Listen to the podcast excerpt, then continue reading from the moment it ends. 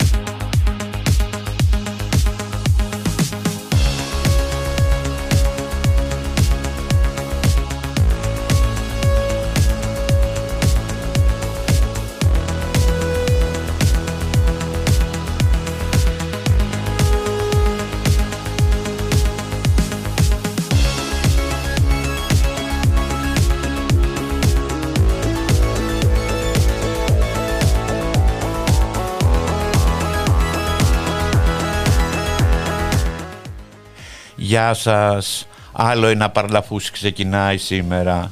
Στην αρχή συνταξία είναι ο Τάκης ο Κουρκουρίκης, όπου θα διαλέξει και τα τραγουδάκια σήμερα. Και στην ηχοληψία ο συμπαθέστατος Γιώργος Νομικός.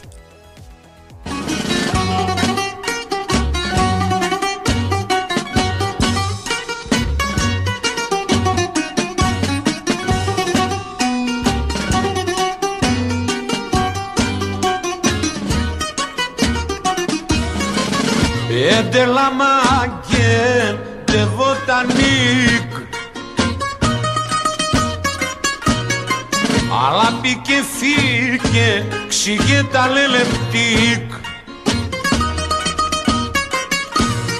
Στα τε μπουζουκέν τε καμπαρέ. Αλλά τε δικό μας ο καρέν. Άιντα λαφουμέντο και μαστούργιο ρε με τεγκόμενετε όντε και και η αγγέλο πατημέντο φλοκονταργελέ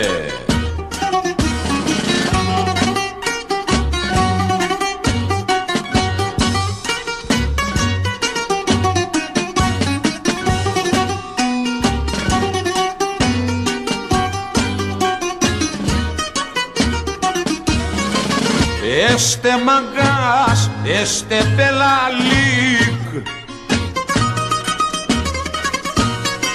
Λάτε βοτανικό, ο πηγιονταίκ Κέντρε μέντρε κάργαντε μαγκέν Γιατί φτιάξαρε στο μινούτο δε δουλειέν Άιντα λαφουμέντο και μαστούργιο ρε με τεγκόμενετε όντε και και η αγγέλο πατημέντο φλοκονταργέλε Άιντα λαφουμέντο και μαστούργιο ρε με τεγκόμενετε όντε και και η αγγέλο πατημέντο φλοκονταργελέ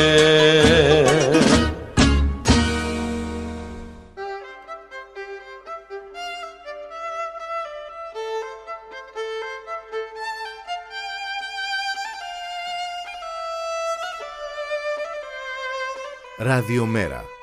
Η ανυπακοή στο ραδιόφωνο. Ε, μέχρι να συνδεθούμε έγινε ένα λάθος εδώ στο, στο τηλέφωνο που, με τον καλεσμένο μας. Ακούσουμε άλλο ένα τραγουδάκι και θα τα πούμε. Έχουμε καιρό.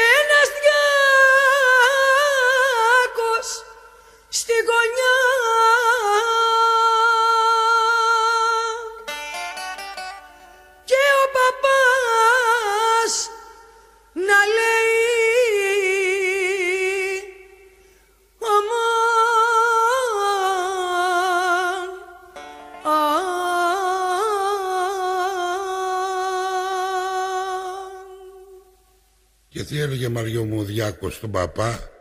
Νάκο μου, άκου να ακούσεις και τσιλιάρισε να δεις. Κασίσι ήπια κι ο Θεός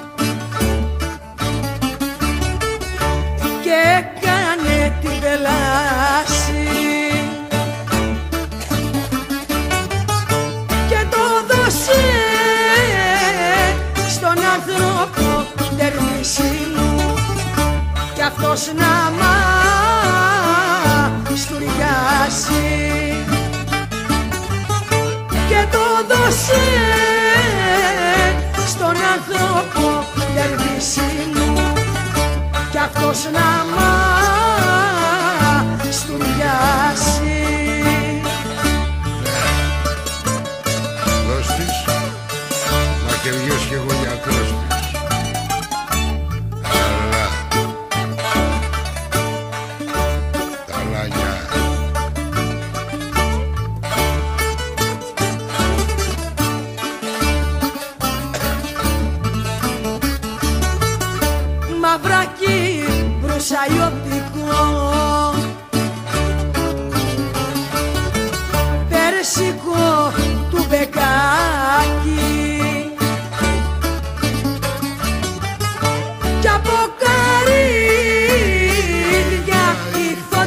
φωτικές αλάνι μου ο Ναργίλες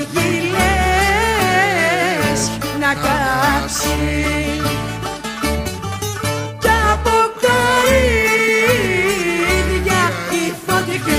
Αλάνι μου ο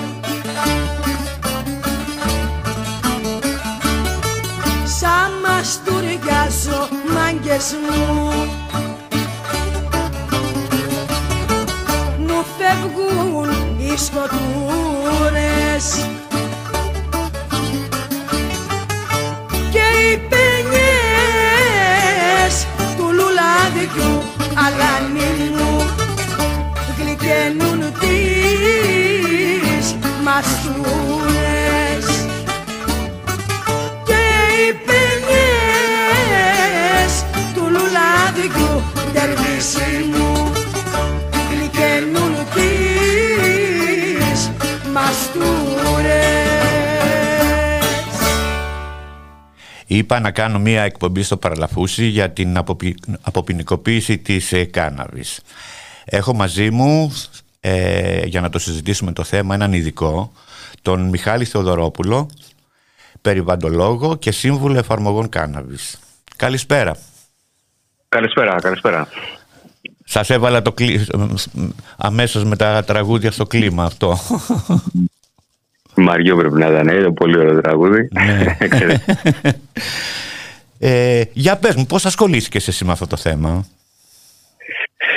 Ε, κοίταξε, εγώ ασχολήθηκα με το θέμα το 2004. Είχε τύχει και είχα πάει στη Ρώμη σε ένα συνέδριο Ε, και είχα βαρεθεί από το συνέδριο και είχα πάρει ε, τους δρόμους και γίνανε από μέσα στη Ρώμη και πέτυχα ε, το Medium Marijuana Mart όπου είναι μια πανευρωπαϊκή εκστρατεία που γίνεται κάθε χρόνο το πρώτο Σαββατοκύριακο του Μάη ε, όπου στη Ρώμη είχε στηθεί ένα τεράστιο πανηγύρι ήταν μια τεράστια πορεία με 10.000 άτομα ε, επικεφαλής της πορείας είχε κάποια πολιτικά κόμματα της αριστεράς και πράσινους και τα λοιπά. Ε, και από πίσω γινόταν ένας χαμός με 10 sound system ε, πάνω σε φορτηγά και χιλιάδες κόσμου ε, σε μια πολύ έτσι, όμορφη και χαμογελαστή κατάσταση. Ε, όπως καταλαβαίνεις εγώ έπαθα ένα ψηλοπολιτισμικό σοκ ε, ε, τότε, εκείνη, εκείνη την ημέρα. Έτσι ήταν μια κατάσταση, ας πούμε, ένα επίφανη, ας πούμε, ε, μου έσκασε ξαφνικά ε, και είπα γιατί δεν κάνουμε κάτι αντίστοιχο και στην Ελλάδα. Ε, ήρθα και σε επαφή εκεί στην πορεία μαζί με κάτι παιδιά από την Ευρωπαϊκή Εκστρατεία όπου είναι μια πανευρωπαϊκή οργάνωση που λέγεται ENCODE ε, που είναι ένα, ένα δίκτυο οργανισμών να το πούμε έτσι, για δίκαιες και αποτελεσματικές πολιτικές για τα ναρκωτικά ε, και ξεκίνησε επικοινωνία και συνεργασία μαζί με τα παιδιά του Πανευρωπαϊκή Καμπάνια. Και γυρνώντα πίσω στην Ελλάδα, πήγα και βρήκα φίλους μουσικούς. Ε, γιατί όπως καταλαβαίνεις και εσύ ένα πρώτο ακροατήριο έτσι, ανοιχτό στην ιδέα το να κάνουμε μια γιορτή, ένα φεστιβάλ για την κάναβη και έτσι μπήκε μπροστά το πρώτο αντιαπαγορευτικό φεστιβάλ, το πρώτο Legal που έγινε το 2005 το οποίο είχε και επιτυχία νομίζω από ό,τι θυμάμαι. Ήταν στο Πάρκο Ελευθερίας, δίπλα στο Μέγαρο Μουσικής, σε μια συμβολική κίνηση. Είχε, ελευθε... ναι, είχε επιτυχία ε, απρόσμενη, γιατί ήταν και η πρώτη χρονιά που το κάναμε και δεν ξέραμε τι να περιμένουμε κιόλας. Βασικά, περιμέναμε να μας μαζέψουν από στιγμή σε στιγμή, αλλά δεν, τελικά δεν μας μάζεψε κανένας εκείνο το βράδυ. Ε, μέχρι τις ε, μία το βράδυ, πέρασαν πάρα πολύ ωραία.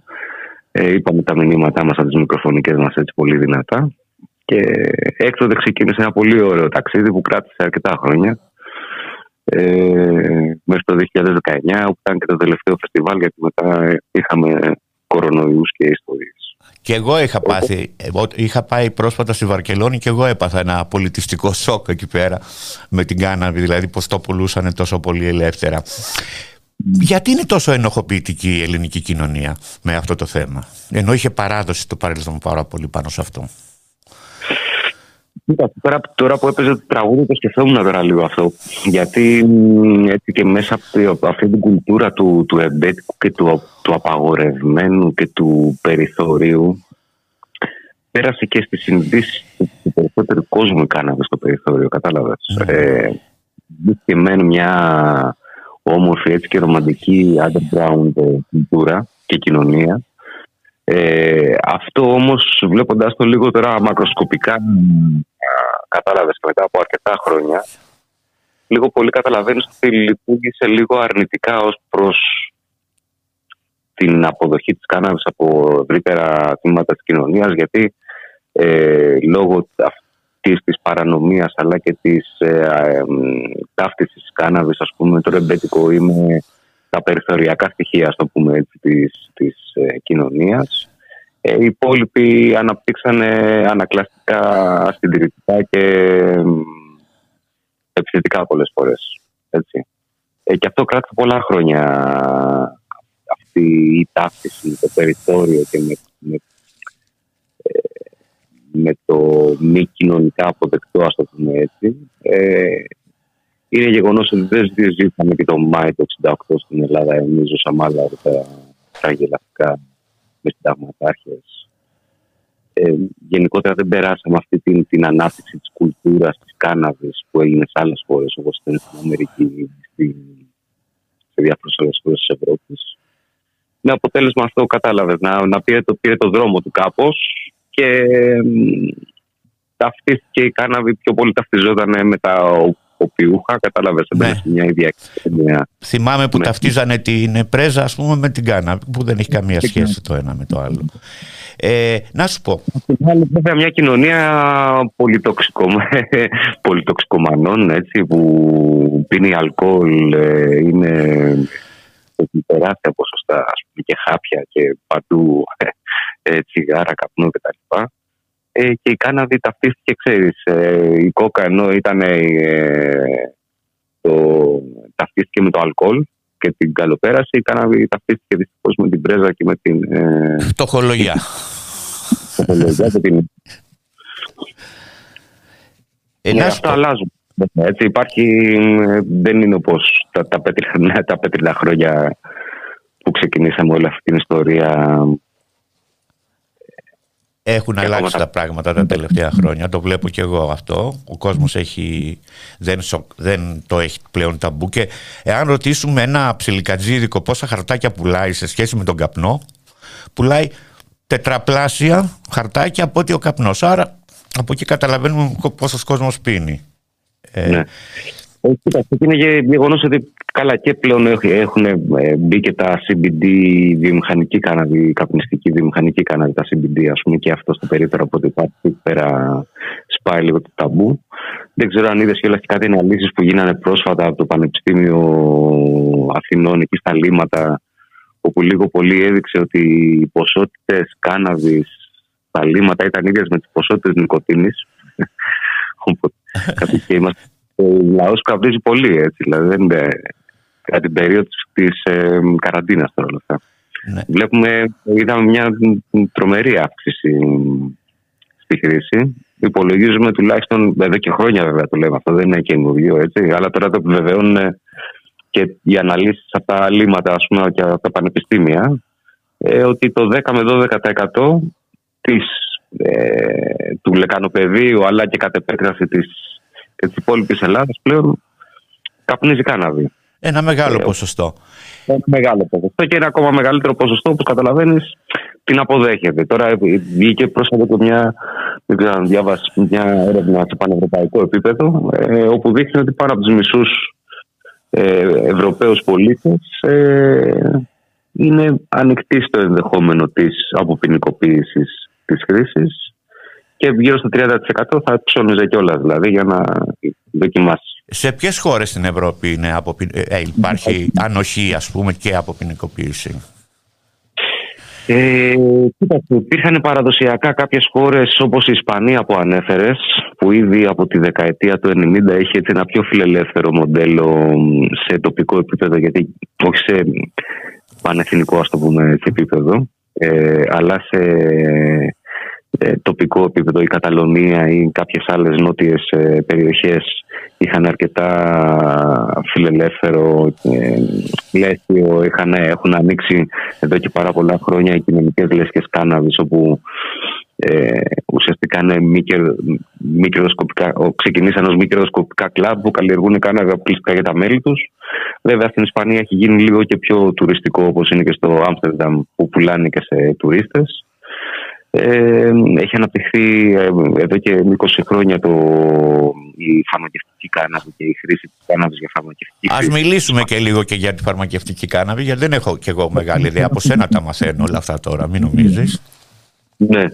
Ε, η Ολλανδία παραδοσιακά είχε ένα πλαίσιο ανοχής. Όπως θυμάσαι, απλά ε, ακριβώς έτσι ανοχής έχει αποποινικοποίησης. Ε, τα τελευταία χρόνια αρκετές χώρες έχουν αλλάξει με τον ένα ή τον άλλο τρόπο τη, την νομοθεσία τους. Ε, η πλήρη χώρα που μπήκε πιο δυναμικά και έχει έτσι ένα αρκετά ωραίο και ολοκληρωμένο πλαίσιο σε εθνικό επίπεδο είναι η Μάλτα πλέον όπου στη Μάλτα ουσιαστικά μπορείς να έχεις μέχρι 7 γραμμάρια Κατοχή. κάναβη πάνω κατοχή ε, με ένα, ανά 24 ώρες το λένε τέλος πάντων με maximum 50 γραμμάρια το μήνα ε, μπορείς να προμηθεύεσαι μέχρι 20 σπόρια κάθε μήνα ε, 50 γραμμάρια μπορείς να έχεις στο σπίτι σου Επίσης επιτρέπεται να έχεις 4, φυτά, 4 θηλυκά φυτά προς καλλιέργεια ε, ή να συμμετέχεις επίσης σε ε, cannabis clubs. Ω, Να Ε, πάω τα κάνα οποία- ταξιδάκι. ναι. Ε, Τώρα το, από πέρσι έχει αλλάξει ε, το πλαίσιο εκεί στη, στη Μάλτα και μπήκανε επιθετικά γιατί και στο θέμα της φαρμακευτικής κάναβης μπήκαν έτσι πολύ θαραλέα ε, και έχουν τραβήξει δηλαδή και επενδύσεις και κόσμο, πιο πολύ δηλαδή από ό,τι έγινε και εμείς που και εδώ πέρα. Και βέβαια βοηθάνε ταυτόχρονα με το επιχειρηματικό βοηθάνε και το, τον κόσμο έτσι, να απεξαρτηθεί από τα παράνομα κυκλώματα και από, και από τη μαφία. Έτσι, ε, δημιουργώντας ένα τέτοιο πλαίσιο το οποίο είναι αρκετά ανοιχτό. Δεν έχουν ακόμα δεν επιτρέπουν την πώληση από αδειοδοτημένα σημεία, αλλά το, το συζητάνε και αυτό. Άμα γίνει και αυτό, θα είναι ένα αρκετά ε, προοδευτικό ε, μέτρο γενικότερα, η πιο προοδευτική πολιτική δηλαδή σε ολόκληρη την Ευρώπη θα είναι, άμα γίνει και αυτό. Ε, και βέβαια και οι χρήστες, από ακόμα και να πιαστούν και με μεγαλύτερες ποσότητες, αντιμετωπίζουν διοικητικές ποινές και πρόστιμα και όχι φυλακίσεις. ε, και όλο αυτό το σύστημα που ακόμα συναντάμε στην Ελλάδα, που και εδώ έχει αλλάξει βέβαια. Δεν, δεν φυλακίζεσαι έτσι πλέον τόσο εύκολα. Αλλά όταν σου βρουν ένα τσιγάρο μέσα, σε πάνε αυτόφορο νομίζω. Αλλά αν μη τι άλλο, την ταλαιπωρία την περνάς, αυτόφορα τα περνάς. Άμα είσαι στην επαρχία, ζούλας, τη διαπομπεύεσαι για τα καλά. Σε γράφουν τα, τα ντόπια, τα κανάλια, ακόμα και για ένα-δύο γραμμάρια ή ένα-δύο τσιγάρα πιτσιρικάδες έτσι στιγματίζονται για όλη τη ζωή. Ε, η Τσεχία έχει επίσης ένα πάρα πολύ ωραίο και ανοιχτό πλαίσιο το οποίο είναι υπέρ του, του χρήστη, υπέρ του καταναλωτή. Ε, όχι υπέρ των επιχειρήσεων, δηλαδή υπέρ του, ε, της φαρμακοβιομηχανίας. Ε, η Ελβετία επίσης έχει ένα πολύ ωραίο πλαίσιο και συζητάει τώρα και σε εθνικό επίπεδο να νομιμοποιήσει πλήρως ε, αν μη τι άλλο σε ένα πιλωτικό στάδιο την, ε, την ψυχαγωγική χρήση. Πολλά καντόνια βέβαια είναι σχεδόν ε, νόμιμη εδώ και πολλά χρόνια και, και η κατοχή και, τα, και η αυτοκαλλιέργεια. Ε, η Γαλλία ετοιμάζεται να κάνει ένα πολύ μεγάλο πείραμα που ήταν ε, παραδοσιακά μαζί με την Ελλάδα και τη Σουηδία. Ήμασταν οι πιο κατασταλτικές χώρες στην Ευρώπη, αλλά βλέπουμε τώρα ότι η Γαλλία αλλάζει και αυτή η πλαίσιο γιατί έχει και πολύ μεγάλη κατανάλωση στη χώρα της.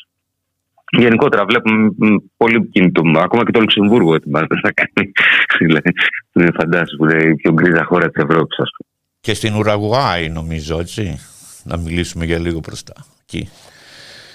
Ήταν η πρώτη που είχε κάνει το πείραμα. Η Ουρουάη ήταν μάλιστα που κοντραρίστηκε, πρώτη που κοντραρίστηκε και με το διεθνές σύστημα ελέγχου.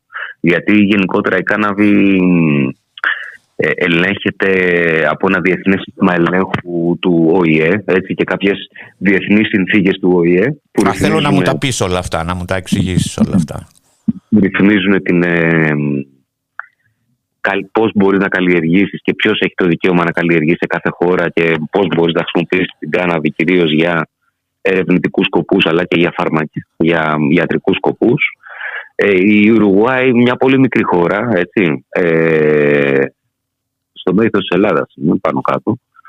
Ε, κοντραρίστηκε τότε επί Μουχίκα, αν θυμάστε, ήταν ένα υπέροχο ε, τύπος. Ναι, ναι. Ήταν ε, πρώην αντάρτης ε, του Παμάρου. Ε, ο τύπος ε, πολύ θαραλέα είπε ότι κοιτάξτε να δείτε εμείς δεν πάμε κόντρα στο διεθνές σύστημα ελέγχου ε, ελεγχόμενη ουσία και πάλι θα είναι απλά ε, θα είναι ελεγχόμενη ουσία από το κράτος ε, θα την πουλάμε στην ε, αγορά, στην τιμή όπου πουλιέται στο δρόμο για να καταπολεμήσουμε το, το παράνομο εμπόριο και έτσι δημιούργησε ας το πούμε έτσι, σημεία πώλησης όπου πουλάγαν την κάναβη ε, το ένα δολάριο που πουλιόταν στο δρόμο το γραμμάριο ας πούμε με πολύ φθηνή τιμή. Έκανε τα κλαμπς σε λέσχες κάναβης και έδειξε ότι είναι ένα βέλτιστο μοντέλο που βοηθάει στη μείωση της βλάβης και το να μην έρχονται σε επαφή με τα εγκληματικά στοιχεία ε, οι καταναλωτές κάναβης, αλλά να καλλιεργούν χωρίς το περιθώριο του κέντρους να μπαίνει μέσα στην, όλο παράγω, στην όλη εξίσωση και να δημιουργεί προβλήματα μη κερδοσκοπικά δηλαδή κλαμπ να καλλιεργούν αποκλειστικά για τα μέλη τους, μόνο για το κόστος δηλαδή της παραγωγής. Προχωρημένα πράγματα.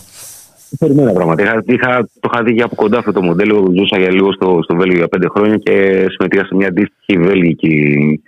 Και μπορώ να σου πω ότι αισθάνεσαι πολύ ωραία και χωρίς όλη αυτή την παράνοια, ξέρεις, το κεφάλι με το ποιος μπορεί να με κυνηγήσει, ας πούμε, επειδή θέλω να καπνίσω ένα τσιγάρο. Είναι μια, μια, ζεις δηλαδή μια πολύ ήρεμη ζωή και με περιτά άχη που δυστυχώς ακόμα τα περνάμε στην Ελλάδα. Να ακούσουμε ένα τραγουδάκι και να συνεχίσουμε.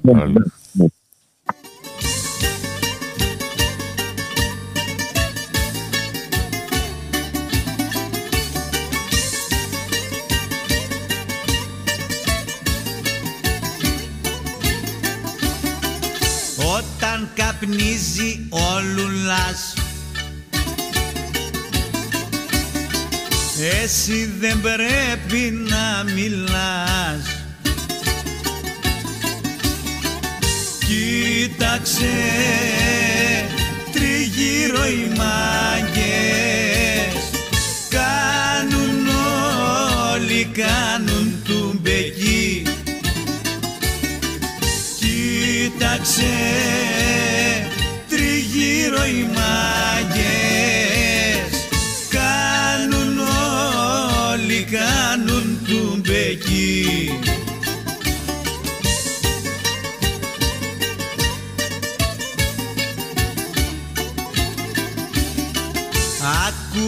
Άκου πως παίζει ο μπάγλα μας και πατάει ένα αργυλέ για μας. Σαν θα γίνουν με μαστούρια θα είμαστε πολύ προσεκτικοί σαν θα γίνουν με μαστούρια. Θα είμαστε πολύ προσεκτικοί.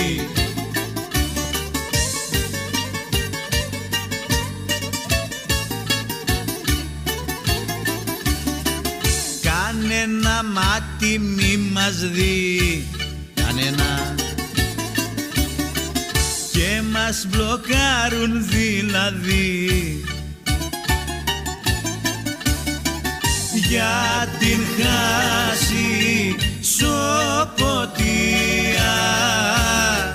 Και μας πάνε όλους φυλακοί για την χάση σοποτία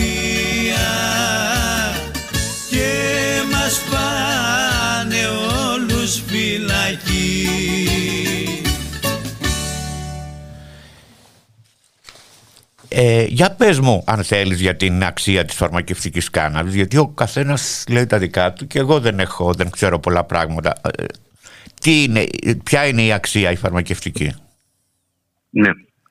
Ε, κοίταξε, καταρχάς ε, να ξεκινήσουμε από, από αλλού, γιατί την, την κάναβη την έχουμε μέσα μας. Ε, ο, ο, έχει βγάλει και ο φίλος μου και ο μέντορας, ο Γιώργος Κονομόπουλο, βγάζει τώρα ένα βιβλίο που λέει ότι ήξερες, δεν ήξερες, την, την κάναβη την έχεις μέσα σου από τότε που, που γεννήθηκε, που έχεις γεννηθεί, μέσα από το μητρικό γάλα. Ε, μέσα μας έχουμε τα, το ενδοκαναβινοειδές σύστημα ε, το ενδοκαναβινοειδές σύστημα φαντάστο σαν δυο ε, δοχεία ε, συγκοινωνούντα ε, τα οποία ουσιαστικά ε, είναι γεμάτα με τα ε, ενδοκαναβινοειδή τα καναβινοειδή που παράγεις δηλαδή ο οργανισμός μας ε, και ουσιαστικά όταν είναι γεμάτες αυτές οι δεξαμενές το ανοσοποιητικό μας ε, σύστημα είναι σε ομοιόσταση, ο οργανισμός μας δηλαδή είναι σε μια ισορροπία και δεν έχει ε, ε παρόστιες φλεγμόνες κτλ. Όταν τώρα μέσα από την, ε, για διάφορους λόγους, είτε από το στρες της καθημερινής ζωής, είτε από διάφορες μολύνσεις, αρρώστιες κτλ. Ε, μειώνονται οι ποσότητες των ενδοκαναβινοειδών σε αυτά τα δοχεία, ε, εμείς ε, τα συμπληρώνουμε με τα φυτοκαναβινοειδή, τα οποία βρίσκουμε ε, στην κάναβη. Ε, τα φυτοκαναβινοειδή τώρα είναι περίπου καμιά κατοσταριά και πλέον ενώσεις, χημικές ενώσεις, φυσικές έτσι, που βρίσκεις μέσα στο φυτό της κάναβης ε, με ονομασίες όπως ε, ε, τετραεδροκαναβινόλη, ε, καναβιδιόλη, καναβιγερόλη και διάφορες άλλες ή THC, CBD, έτσι, CBG, οι αγγλικές ονομασίες που είναι και πιο γνωστές. Ε, όπου η κάθε μία ε, έχει ε, από αυτές τις ε, ε ενώσεις έχει θεραπευτική αξία. Και αυτό το ανακαλύπτουμε ιδιαίτερα, πάντα το γνωρίζαμε, δηλαδή η κάναβη τη χρησιμοποιήσουμε από την αρχαιότητα ε, έχουμε καταγεγραμμένη χρήση. Από, δηλαδή... την, από την αρχαία Ελλάδα και από πολύ πρωτόγονες κοινωνίες αλλά και στην ασιατική ιατρική υπάρχουν πολλές αναφορές πάνω σε αυτό. Ακριβώς, ακριβώς. Ε, και πλέον ε, αφού ξεπεράσαμε και το, το σκόπελο της απαγόρευσης όπου άνοιξε ο δρόμος για την έρευνα ε, αρχίζουμε και ανακαλύπτουμε με τη σύγχρονη έρευνα ε, και τις σύγχρονες κλινικές εφαρμογές. Ε, τον πλούτο ε, πραγματικά δηλαδή είναι σαν ένα φαρμακευτικό εργοστάσιο ας πούμε, το, το, το, το ε, γιατί μας παρέχει με μια πολύ μεγάλη γκάμα ε, χημικών ενώσεων οι οποίες όλες ε, βοηθάνε τον ανθρώπινο οργανισμό με τον ένα τον άλλο τρόπο. Δεν είναι μόνο τα, τα καναβινοειδή, είναι και τα τρυπένια που είναι τα αρώματα της κάναβης, ε, έχει φλαβονοειδή, έχει ε, πολλές άλλες ενώσεις, έχει βιταμίνες μέσα, έχει ένα σύνολο δηλαδή θρεπτικών ε, συστατικών ε, τα οποία και στο σύνολό τους μέσα από το, τη συνεργιστική δράση που παράγουν το entourage effect που όπως λέγεται εξαιρετικά ε, όπου είναι ο συνδυασμός δηλαδή όλων αυτών των ε, στοιχείων ε, μας δίνει και τον, το μέγιστο θεραπευτικό αποτέλεσμα το οποίο ε, ανάλογα με τον ε, εκάστοτε οργανισμό ε, έχει και διαφορετικό εφέ και επίδραση. Ε, αυτό που έχει δαιμονοποιήσει την όλη ιστορία είναι η τετραετροκαναβινόλη, το THC, έτσι είναι αυτή που προκαλεί και τη μαστούρα, ε, η οποία είναι πολύ θεραπευτική με μαστούρα πολλές φορές, έτσι, μην το, μην το νομίζουμε ότι είναι δηλαδή κάτι κακό ή... Ε, Όχι, να μιλήσω εγώ βιωματικά ότι εμένα με έχει βοηθήσει πάρα πολύ η κάναβη στη ζωή μου με μια σε σκληρές νύχτες που φτάνα στο σπίτι μου και δεν μπορούσα να κοιμηθώ ή τα νεύρα μου ή όλα αυτά. Και με βοήθησε πάρα πολύ γιατί αν δεν έπινα θα πίνα κανένα ηρεμιστικό. Και στη ζωή μου έχει βοηθήσει πάρα πάρα πολύ κάναβη την ψυχική μου ηρεμία Τέλεια, έχουμε δει τελευταία βλέπουμε όλο και πιο έντονα το ότι κόσμος που φεύγει από τη χημεία, φεύγει από τα ερεμιστικά και τις, όλες τα χάπια τέλος πάντων και ε, μετακινείται προς την κάναβη και ε, βρίσκει την οικιά του. Ε, η πληροφορία, πλέον ζούμε στην εποχή της πληροφορίας, η πληροφορία είναι διαθέσιμη ε, στο διαδίκτυο, όποιος ψάξει λίγο παραπάνω μπορεί να τη βρει. Υπάρχουν και διάφορα group εδώ πέρα και, στην, και στο ελληνικό διαδίκτυο, ας το πούμε έτσι. Ε, η επιστημονική πληροφορία επίσης είναι διαδεδομένη. Υπάρχουν δεκάδες χιλιάδες πλέον επιστημονικά άρθρα. Μπορεί να διαβάσει κάποιος. Μπορεί να διαβάσει κάποιος. Ε, εμείς τώρα στις 7 του Μάη με την ε, Κανάμπιο Κινσέπ που είμαστε παραγωγή από το 2016 εδώ πέρα βιολογικής βιομηχανικής κάναβης ε, κάνουμε και ένα σεμινάριο για ιατρούς για, ακριβώς για το, το ρόλο που έχουν τα ε, ελάσσονα καναβινοειδή όπως λέμε ε, το CBD δηλαδή το CBD, το CBN και το CBC ε, και τις κλινικές εφαρμογές που έχουν αλλά και το πώς θα μπορούν να προτείνουν τη χρήση ίσως ε, και οι γιατροί. Ε, υπάρχει ακόμα ένα λίγο μπέρδεμα γιατί τα σκευάσματα που κυκλοφορούν ευρέως ε, είναι συμπληρώματα διατροφής και όχι φάρμακα. Με το φάρμακο κάναβι ακόμα έχουμε προβλήματα στην Ελλάδα δυστυχώς.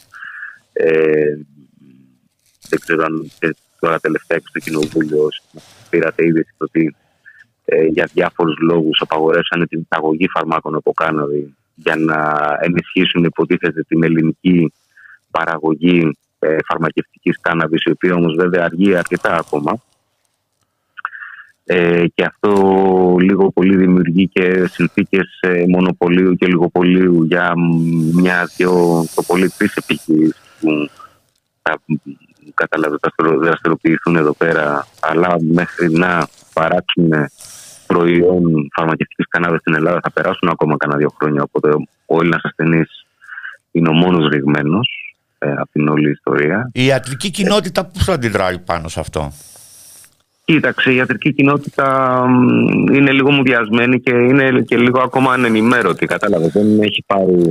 Ε, τώρα με συστήνεται ένα, ε, μια ιατρική εταιρεία για τα καναβινοειδή που αποτελείται από 30 γιατρούς και παίρνει μπροστά, θα πάρθουν πρωτοβουλίες πάνω στο αντικείμενο.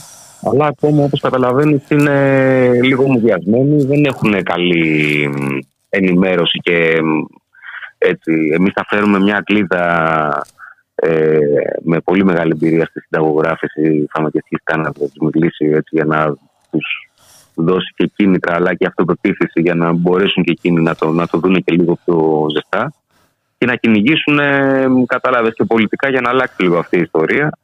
Ε, σίγουρα θα πιστεύω θα αλλάξει και θα πέσει αυτή η απαγόρευση γιατί είναι προσκρούει σε ευρωπαϊκές νομοθεσίες. Ε, αλλά χρειάζεται αυτό που έχουμε δει πάντα είναι το ότι τα δικαιώματα δεν χαρίζονται, κατακτώνται. Έτσι. Δηλαδή, άμα δεν υπάρξει συντονισμένη κινητικότητα όχι μόνο από τους γιατρούς αλλά και από τους ασθενείς ε, και από κάθε ενδιαφερόμενο. Ε, Και, αν από, δεν υπάρχει- και από πολιτικούς που να μπορέσουν να το κινήσουν το θέμα. από πολιτικούς. Ναι. Δυστυχώς ε, δεν το πήρε κανένας πρέφα στη Βουλή που τα συνέβη αυτό. Και σε ένα νόμο για τις επενδύσεις είδαμε ξαφνικά να απαγορεύονται οι εισαγωγές φαρμάκων από κάναβη, ας πούμε. Ε, εμ, γίνονται ακόμα τραγελαφικά πράγματα. Ε, και με τη βιομηχανική κάναβη ακόμα έχουμε αρκετά προβλήματα. Και η προηγούμενη κυβέρνηση έτσι άνοιξε και βοήθησε αρκετά την κατάσταση, αλλά διάφορα ζητήματα μείνανε ε, στον αέρα. Με αποτέλεσμα η παραγωγή τώρα ακόμα να είμαστε όμοιροι του κράτους ε, γιατί δεν έχουν βγει κάτι με κοινές υπουργικές αποφάσεις ε, που ρυθμίζουν το επίπεδο της τετραεδροκαναβινόλης στα τρόφιμα με αποτέλεσμα ότι τρόφιμο παράγουμε στην Ελλάδα να μην μπορεί να πάρει όλες, όλα τα νομιμοποιητικά έγγραφα και κάποια χαρτιά και από το Γενικό Χημείο του κράτους που χρειαζόμαστε για να εξάγουμε. Ενώ αντίστοιχα προϊόντα έρχονται από το εξωτερικό και πολλούνται κατά κόρον στην Ελλάδα χωρίς τα ίδια προβλήματα και δημιουργούνται όπως καταλαβαίνεις τις συνθήκες αθέμητου ανταγωνισμού και δύο μέτρων, δύο σταθμών δηλαδή. Ε, στη φαρμακευτική κάναβη βλέπουμε να έχει η κυβέρνηση να παίρνει πώς να σου πω, μέτρα προστατευτικά όπως δεν έχουν ξαναγίνει ας πούμε, υπέρ του- των, των ντόπιων παραγωγών ενώ αντίθετα στη μηχανική κάναβη συμβαίνει το αντίθετο ε, και μια κατάσταση η οποία είναι και ψηλά ασίδωτη και το, ε, έχει δημιουργηθεί ένα κλίμα εις βάρος δηλαδή του, του Έλληνα παραγωγού και υπέρ των, ε, του εμπορικού κόσμου των εισαγωγών από το εξωτερικό τέλος πάντων. Υπάρχει, υπάρχει ακόμα η άποψη ότι η, η κάναβη πυροδοτεί κάποιο είδος σκιζοφρένειας νομίζω. Ε, νομίζω ισχύει αυτό. Κοίταξε, ε, αυτή η, η μύθη έχουν καταρριφθεί εδώ και πολύ καιρό από την επιστημονική κοινότητα. Ε, αυτό που έχουμε δει από την επιστήμη είναι το ότι ε, κάποιος που έχει προδιάθεση για ψυχοτικό επεισόδιο ε, μπορεί ε, από μη κατάλληλη ποικιλία η οποία ας πούμε έχει πολύ ψηλά επίπεδα τετραεδροκαναβινόλης και όχι τόσο ε, και χωρίς ε, CBD ας πούμε μέσα ε, α- αν υπάρχει προδιάθεση από το άτομο υπάρχει περίπτωση να εκδηλώσει ε, μέσα από τη χρήση κάναβης ή άλλων ουσιών έτσι. Ε, αν δεν υπάρχει ε, προδιάθεση από το άτομο και είτε γενετικός παράγοντας είτε επηρεασμένος από το περιβάλλον του ε, για ψυχοσικό επεισόδιο, ε, η κάναβη αυτή καθεαυτή δεν δημιουργεί ψύχωση. Ε, το επίσης έχει να κάνει με τη χρήση. Έτσι.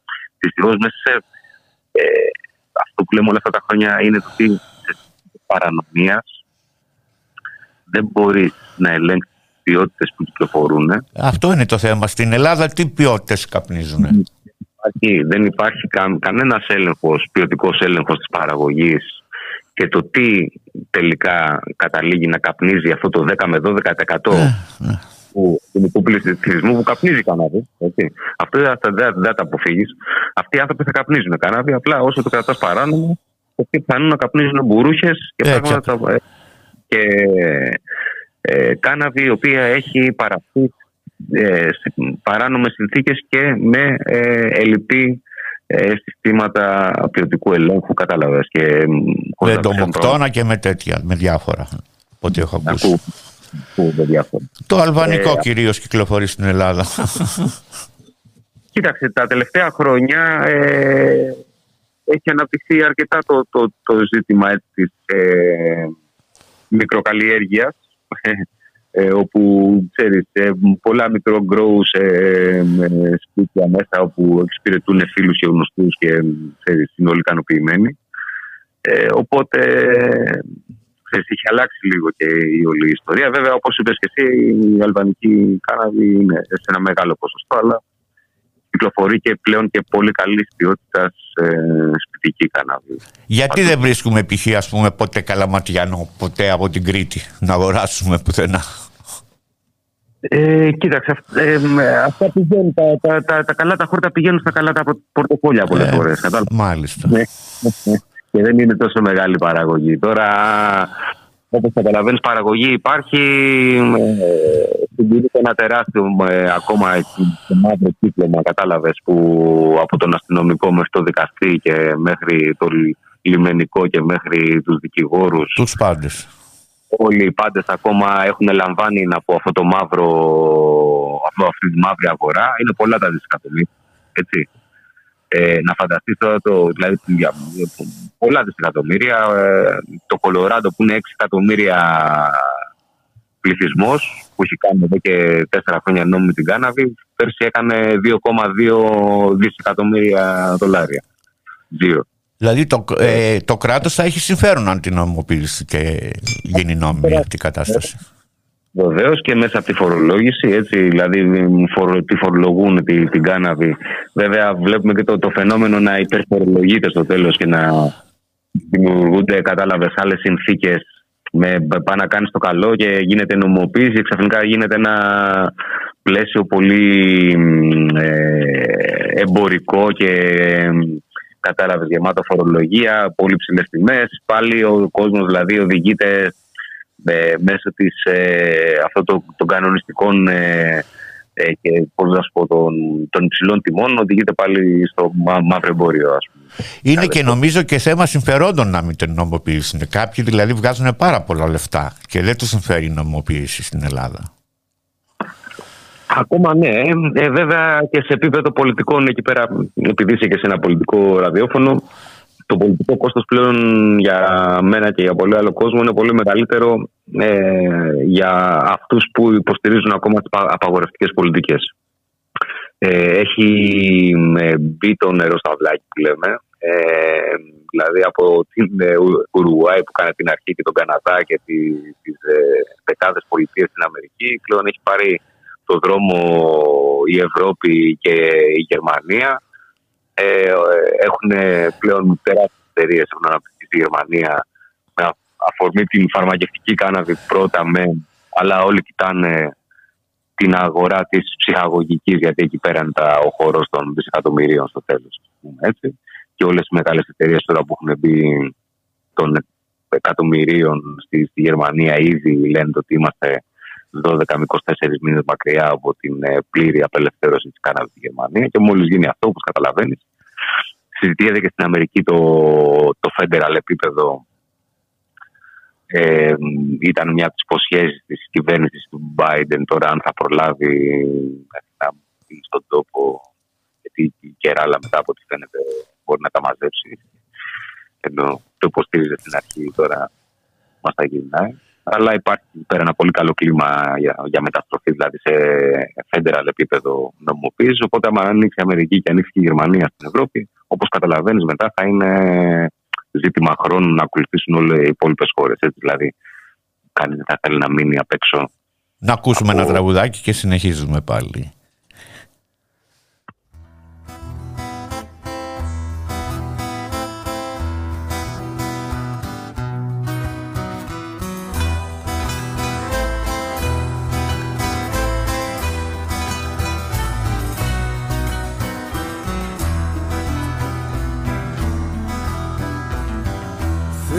Μεγάλο δύναμε που σε ψηλάκι πάνω. Ρίξε λιγάκι του μπέκι δεούλη μου στον αργίλεμα πάνω. Ρίξε λιγάκι του μπέκι θεούλη μου στον αργίλεμα πάνω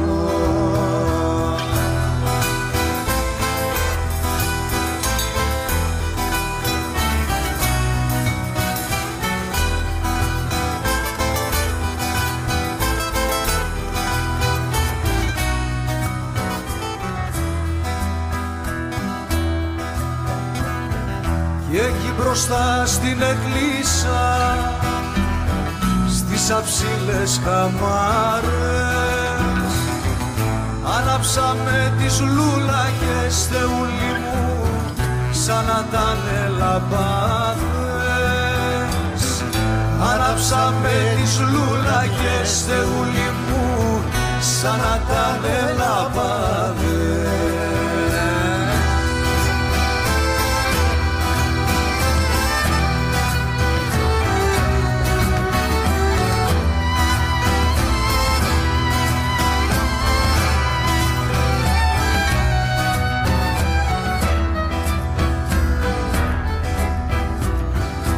προς τον Αγιο Σπυριδώνα με τα άσπρα του τα γένια. Τραβάω δύο του μαγιές θεούλη μου ξερενέται στα γένια. Τραβάω δύο του μαγιές θεούλη μου ξερενέται στα γένια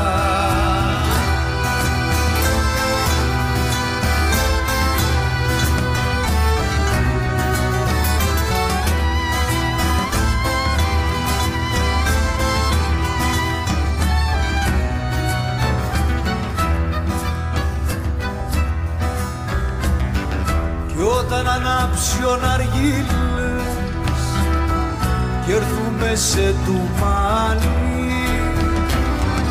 Βάλε όλους τους αγγέλους σου Θεούλη μου να πουν τον Άνι Νάνι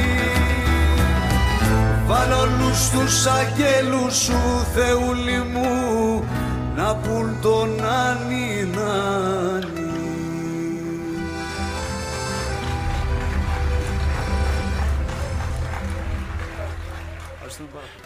Τάκη, έχει, ε, έχουμε καμιά ερώτηση; Ναι, λοιπόν, ρωτάνε κάποιοι ακροατές κατά πόσο βοηθάει η κάναβη ε, στη θεραπεία του καρκίνου.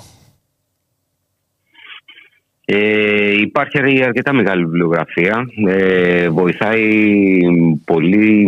Έχουμε δει το ότι ιδιαίτερα η τετραεδροκαναβινόλη ε, βοηθάει στην απόπτωση των καρκινικών ε, κυτάρων ε, και στο να μην δημιουργούνται καινούργια καρκινικά κύτταρα στο, στον οργανισμό. Ε, και πο, πολλοί κόσμος το χρησιμοποιεί και σε συνδυασμό μαζί με την ε, CBD, ε, με την καναβιδιόλη δηλαδή, ε, για να ε, καταπολεμήσει διάφορα συμπτώματα ε, που έχουν σχέση με το κάρκινο. Ε, και βέβαια στην, στην Ελλάδα ακόμα σε επίσημο επίπεδο αυτό που αναγνωρίζεται είναι η χρήση της για την, ε, σε ό,τι αφορά την καταπολέμηση της ναυτίας κατά τη διάρκεια των χημειοθεραπείων. Ε, δυστυχώς ο ΕΟΦ ακόμα έχει την κάναβη σαν ένα φάρμακο ε, τελευταίας επιλογής. Πρέπει δηλαδή ο ασθενής να έχει χρησιμοποιήσει όλα τα άλλα φάρμακα πρώτα για να καταλήξει και να μην τον πιάνουν Για να καταλήξει Να- εκεί. αποτελεσματικά για να καταλήξει εκεί πέρα. Παρ' όλα αυτά, βλέπουμε και στην Ελλάδα, αλλά κυρίως στο εξωτερικό, ε, χρησιμοποιείται, χρησιμοποιούνται πρωτόκολλα δηλαδή ε, και για την ε, θεραπεία, όχι μόνο για την ε, καταπολέμηση των αυτιών, όπου έχουμε αποδεδειγμένα ε, ευεργετική χρήση. Το αλκοόλ το οποίο αποδεδειγμένα προκαλεί φθορά στον οργανισμό του ανθρώπου. Δεν έχει ποινικοποιηθεί. Όπως και το τσιγάρο που πεθαίνει πολλοί κόσμος από το τσιγάρο. Και βλέπουμε ότι η κάναβη ποινικοποιείται. Είναι παράλογο λίγο αυτό. Γιατί κανένας δεν έχει πεθάνει από τη χρήση κάναβης. Κοίταξε, είναι παράλογο. Βλέπουμε, όλα αυτά τα χρόνια βλέπουμε το ότι οι απαγορευτικές πολιτικές ε, πετύχαν ακριβώς το αντίθετο αποτέλεσμα. Ε, γιγάντωσαν τη μαφία και το παράνομο εμπόριο, γιγάντωσαν την προβληματική χρήση ε, λόγω των, ε, της κακής ποιότητας ε, των ουσιών που κυκλοφορούσαν στον δρόμο.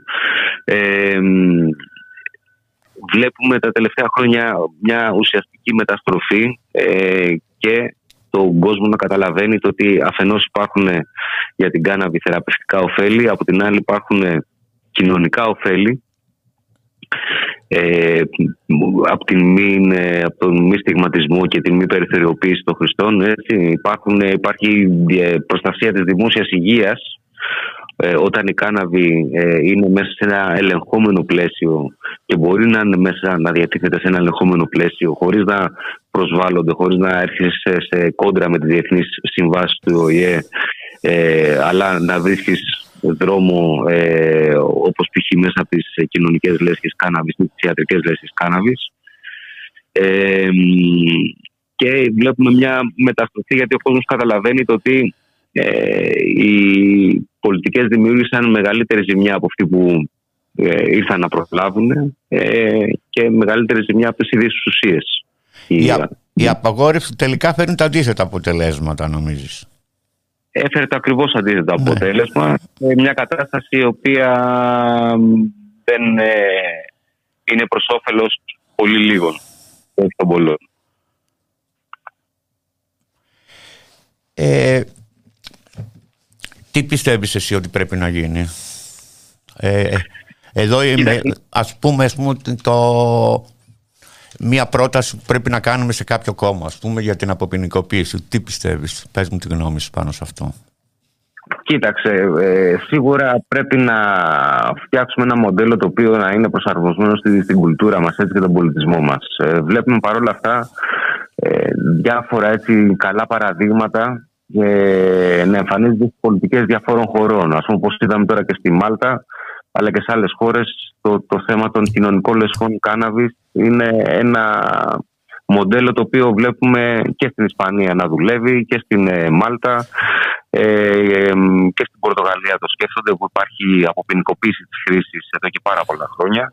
Σίγουρα το πρώτο βήμα που πρέπει να γίνει είναι η αποποινικοποίηση της χρήσης και κατοχής, κατοχής για προσωπική χρήση, έτσι, ε, όπου θα μας λύσει πολλά προβλήματα και σε ό,τι αφορά τη φαρμακευτική χρήση της κάναβης αλλά και σε ό,τι αφορά την βιομηχανική χρήση της κάναβης και τη χρήση της κάναβης στο, στην τροφή.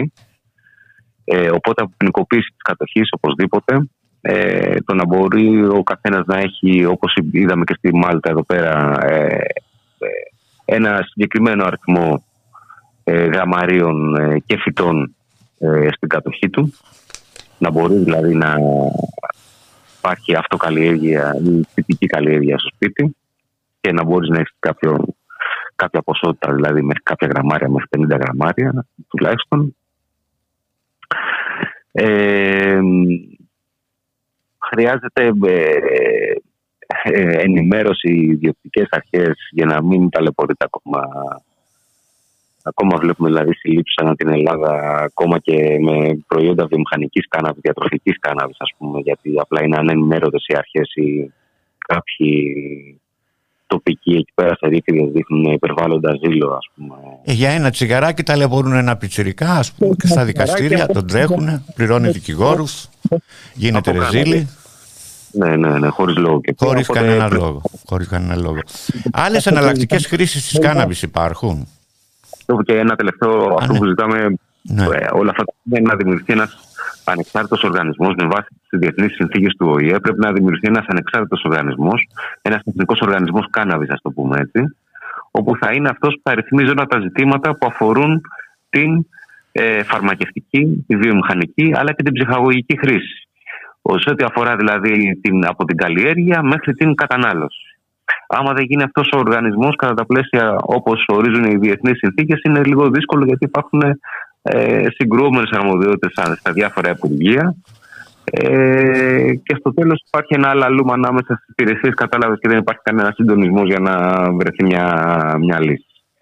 Ε, και σίγουρα πρέπει και οι επιτροπές εκεί πέρα, μόνιμε επιτροπές στο Κοινοβούλιο, να ξανασυσταθούν ότι έχει να κάνει με τα ναρκωτικά και τις εθνικές πολιτικές για τα και τη στρατηγική για τα ναρκωτικά, γιατί τα τελευταία χρόνια από την κρίση και μετά, όπως καταλαβαίνεις, αυτά έχουν περάσει σε δεύτερη μοίρα και βλέπουμε με αποτέλεσμα να βλέπουμε εξαφλειωμένου χρήστες ε, να καταναλώνουν μικρά μπαταρία σε, στο κέντρο της Ναι, είναι, είναι φοβερό αυτό που γίνεται και παλιά και τους βλέπεις τώρα τελευταία οι οποίοι είναι πολύ πιο εξαθλειωμένοι. Γιατί παλιά ζητούσαν και κανένα ευρώ, έδινε ο κόσμος. Τώρα δεν έχει και να τους δώσει. Και Ναι. σε πιάνει η ψυχή σου με αυτή την κατάσταση. Ε, Κοίταξε, υπήρχαν αυτά τα, ε, τα δωμάτια η ελεγχόμενη χρήση. Είχε γίνει χαμός κάποια στιγμή. Μετά είπαν να τα ξανανοίξουν τώρα τελευταία από ό,τι έμαθα μ, πάλι δειλά-δειλά να πάνε να ξανανοίξουν κάποια από αυτά. Είναι ένα πρώτο βήμα για τη μείωση της βλάβης, κατάλαβες και να φύγουν οι χρήστες από τους δρόμους και να μπουν σε ελεγχόμενα ε, χώρους κλινικής χορήγησης, όπως γίνεται σε πολιτισμένες χώρες στο εξωτερικό. Να έτσι. τους, δίνει, τη- να τους δίνει τη δόση το νοσοκομείο και σ- συγχρόνως να υπάρχουν και άνθρωποι δίπλα που να τους βοηθάνε να θέλουν να εξαρτοποιηθούν. Δεν είναι αυτή η κατάσταση να τη βλέπουμε στο κέντρο της Αθήνας γιατί τους εκμεταλλεύονται άσχημα. Δεν ανακαλύπτουν τον τροχό. Ε, Η Πορτογαλία το έχει κάνει εδώ και 20 χρόνια και έχει δείξει θεαματικά αποτελέσματα. Η Ελβετία το έχει κάνει 20 χρόνια και έχει δείξει θεαματικά αποτελέσματα. Και είναι κοινωνίες που ε, και να μην μπορείς να ταυτιστείς με τον Ελβετό, αν μη τι άλλο με τον Νότο, με την Ισπανία, με την Πορτογαλία. Κατάλαβες, με άλλες χώρες μπορείς να τα- ταυτιστείς περισσότερο και να φτιάξουμε ένα μοντέλο το οποίο θα είναι ολοκληρωμένο. Έτσι. Θα έχει ως προμετωπίδα τον, τον ε, καταναλωτή κάναβης, ο οποίος είναι κοντά ένα με 1,2 εκατομμύρια άνθρωποι σε όλη την Ελλάδα. Ε, δεν μπορούμε πλέον να στο, το καμιλίζουμε και να ε, χώνουμε το κεφάλι μας στην άμμο σε ό,τι αφορά όχι μόνο την Κάναδα, αλλά γενικότερα τις ε, εξαρτήσεις έτσι, στην ελληνική κοινωνία, που είναι μια πολιτική κοινωνία, ας πούμε. Ε, η τοξικότητα έχει ε, χτυπήσει κόκκινο τα τελευταία χρόνια και λόγω της απαγόρευσης έχουν ε, ανέβει πολύ και η χρήση από επικίνδυνες χημικές ουσίες, έτσι, όπως η ΣΥΣΑ που λέγαμε πριν, αλλά και νέα συνθετικά ναρκωτικά που ε, δεν περνάνε και εύκολα σε ξεγελούν τις ελέγχους γενικότερα.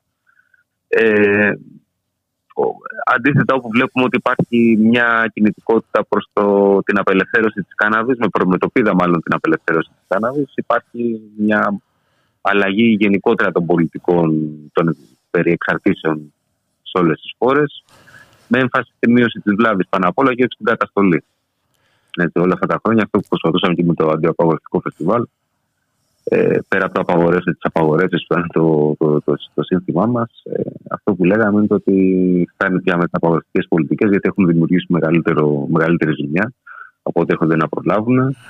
Ε, Α εφαρμόσουμε ένα μοντέλο, ας εφαρμόσουμε τα, τα, τα καλά παραδείγματα που βλέπουμε από το εξωτερικό να επαναλαμβάνονται σε διάφορες χώρες.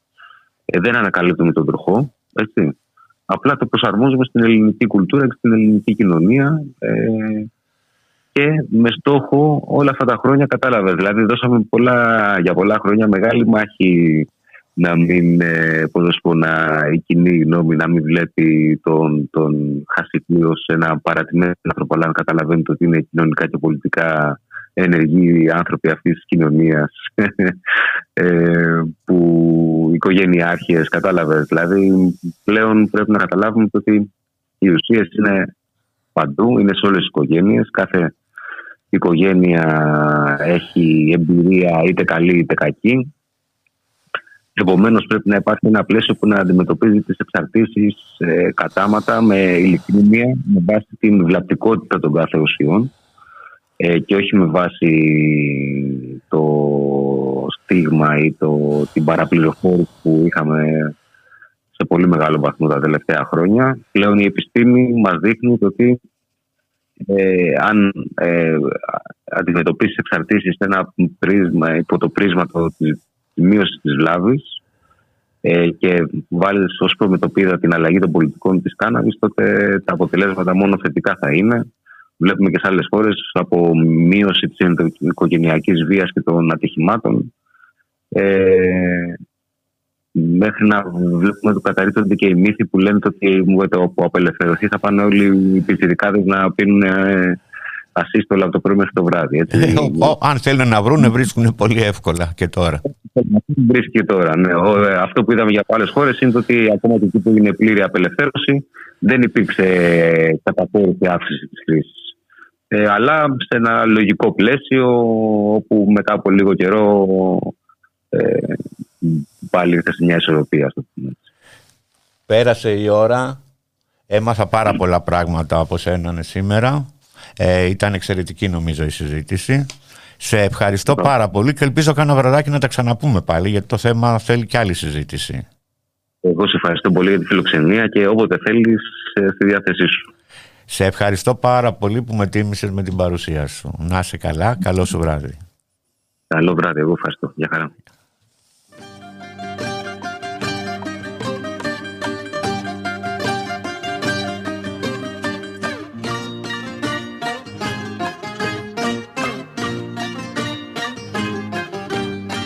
Το βαπόρι απ' την Περσία, το βαπόρι απ' την Περσία, το βαπόρι απ' την Περσία, πιάστηκε στην κόρη θεία. Τόνι έντεκα γεμάτο, με χασίσει μυρωδατό. Τώρα κλαίνω όλα τα λάνια που θα μείνουνε χαρμάνια Τώρα κλαίνω όλα τα λάνια που θα μείνουνε χαρμάνια.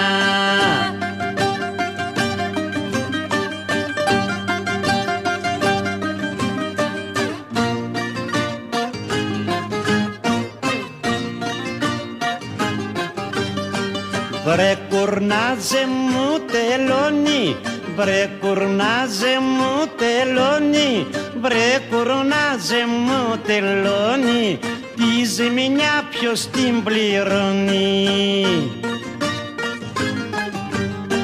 Και σ' αυτή την ιστορία μπήκαν τα λιμένα αρχεία. Τώρα κλαίνω όλα τα λάνια που θα μείνουνε χαρμάνια Τώρα κλαίνω όλα τα λάνια που θα μείνουνε χαρμάνια